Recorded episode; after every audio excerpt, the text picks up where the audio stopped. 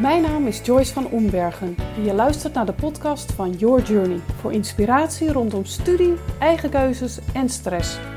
En dit is de vijfde aflevering. Wat hebben jouw favorieten en energie te maken met je studiekeuze? Alles, als je het mij vraagt. Vandaag wil ik het dan ook met je hebben over een andere manier van ontdekken van wat je leuk vindt, namelijk een moodboard. Maar voordat ik verder ga, even dit. Houd tijdens het luisteren naar mijn podcast altijd je bullshit detector aan. Want wat ik je hier leer en waar ik in geloof, hoeft niet jouw waarheid te zijn. Pik eruit waar je wat mee kunt en laat de rest voor wat het is. Oké, daar gaan we. Om te beginnen jouw favorieten. Er zijn vast dingen die je leuk vindt om te doen. En er zijn dingen waarin je goed bent. Maar het kan zijn dat je ergens wel goed in bent, maar dat je dat eigenlijk helemaal niet leuk vindt om te doen. Het geeft je niet echt energie. Het is dan zaak te onderzoeken waar je goed in bent, waar je blij van wordt en waar je energie van krijgt. Eigenlijk simpelweg omdat wanneer je iets doet wat je leuk vindt, een uur bij van spreken als een minuut voelt. Natuurlijk wil dit niet zeggen dat je hiermee ook alles maar zomaar voor elkaar krijgt of kunt bereiken. Daar zul je wel echt wat voor moeten doen. Maar als je, doet, als je dat doet voor iets waar je echt in gelooft en waar je blij van wordt, dan ben je gewoon meer gedreven en heb je ook nog eens meer energie om er vol voor te gaan. Met andere woorden, do what you love and love what you do. Je hebt die uitdrukking vast wel eens ergens voorbij zien komen. Maar hoe ontdek je wat jouw favorieten zijn? Nou, dit kun je onder andere doen door het maken van een moodboard. Ik noemde het, woord al. Nou, wat is een moodboard? Een moodboard is een visualisatie van een concept, een idee, een gedachte of een gevoel. Het is een hulpmiddel waarmee je keuzes kunt maken en waarmee je doel of wens tastbaarder wordt. Je kunt je moodboard bijvoorbeeld op een groot vel papier of op een whiteboard maken, maar ook op de computer met behulp van bijvoorbeeld Canva of Pinterest. En misschien ben je wel met andere programma's heel handig.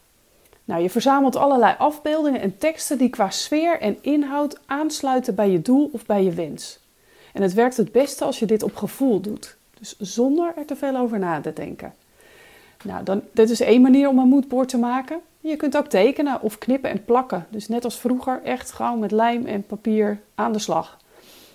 Ook op papier, maar het kan natuurlijk ook digitaal met plaatjes en met foto's.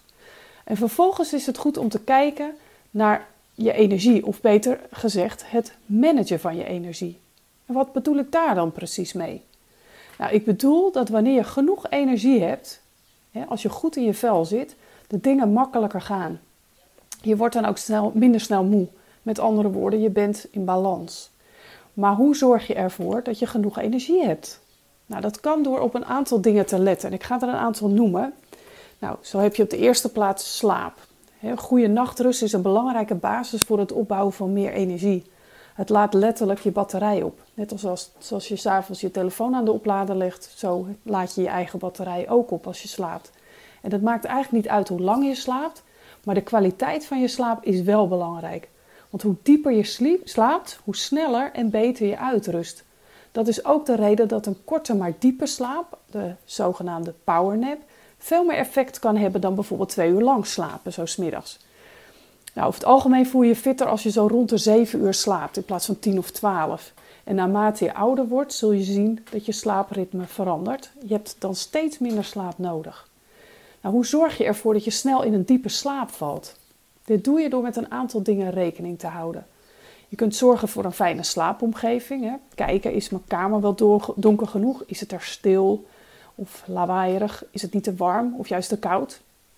En daarnaast kun je een ritueel aanhouden voor het slapen gaan.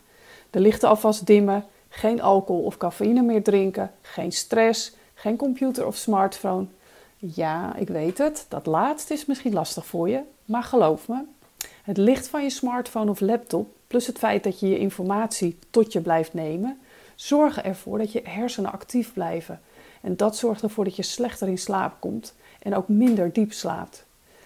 Nou, de tweede, het tweede wat je kunt doen is let op je voeding. Een inkoppertje. Maar iedereen weet dat bijvoorbeeld biologische producten gezonder zijn. Of in ieder geval gezonde voeding. Maar je vraagt je misschien af hoe je gezond en betaalbaar kookt. als student kan het soms lastig zijn, zeker als je op kamers woont en niet eh, bij je ouders eh, een potje volgeschoteld krijgt. hier is op internet genoeg over te vinden. Helaas ook heel veel onzin, dus laat je hierin goed adviseren.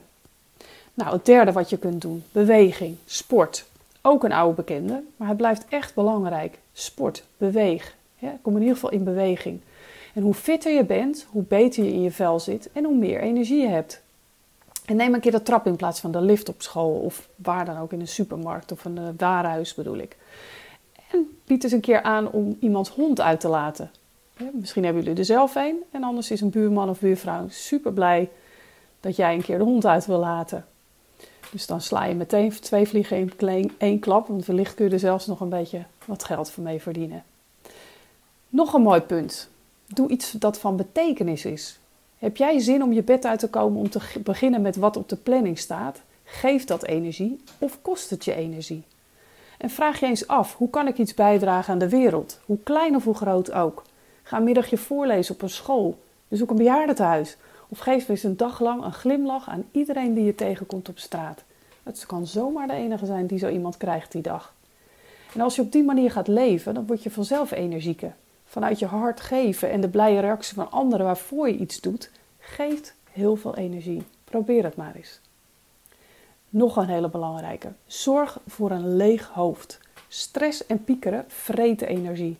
Als je ontspannen bent, heb je de meeste energie. Je kunt je beter focussen en je gedachten zijn sneller positief. Maak je hoofd dus regelmatig leeg. Nou, hoe doe je dat? Dat kun je bijvoorbeeld doen door ja, eigenlijk een notebook te pakken of je, je dagboek of gewoon op je telefoon. En schrijf daarin alles wat op dit moment in je hoofd zit, totdat er niks meer te schrijven is. Dat gaat, geeft vaak al heel veel lucht. Nou, en last but not least, ga met mensen om waar je energie van krijgt. Omring je met mensen die jouw energie geven in plaats van kosten.